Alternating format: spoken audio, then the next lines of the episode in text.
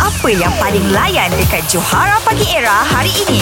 Selamat berpuasa Ikmal. Selamat berpuasa. Kena lawan dengan Johan lah eh. Eh boleh ada tenaga lagi ni Boleh lagi Okey. Situasinya Nek. Hmm, dua orang yang bergaduh siapa nak cuci pinggan lepas sahur lah.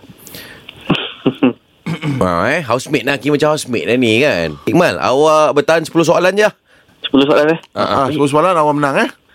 3 2 1 uh, spontan era.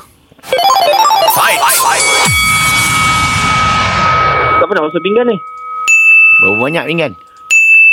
Siapa yang masak Masak apa? Tadi ke- tadi kita sahur kan Siapa? Kau makan ke tak Kau sibuk tanya aku kenapa? Siapa yang beli makan malam tadi Kita makan ke malam tadi? Apa yang ada atas meja Kau tak nampak ke? Sabun tu Siapa yang beli Apa cerita sabun pula ni? Kita nak masuk pinggan kan Siapa yang nak basuh? Bukan dah tanya ke Kau, so- kau ulang soalan tu. Eh, eh. Kan? Johan. Eh Eh, Man.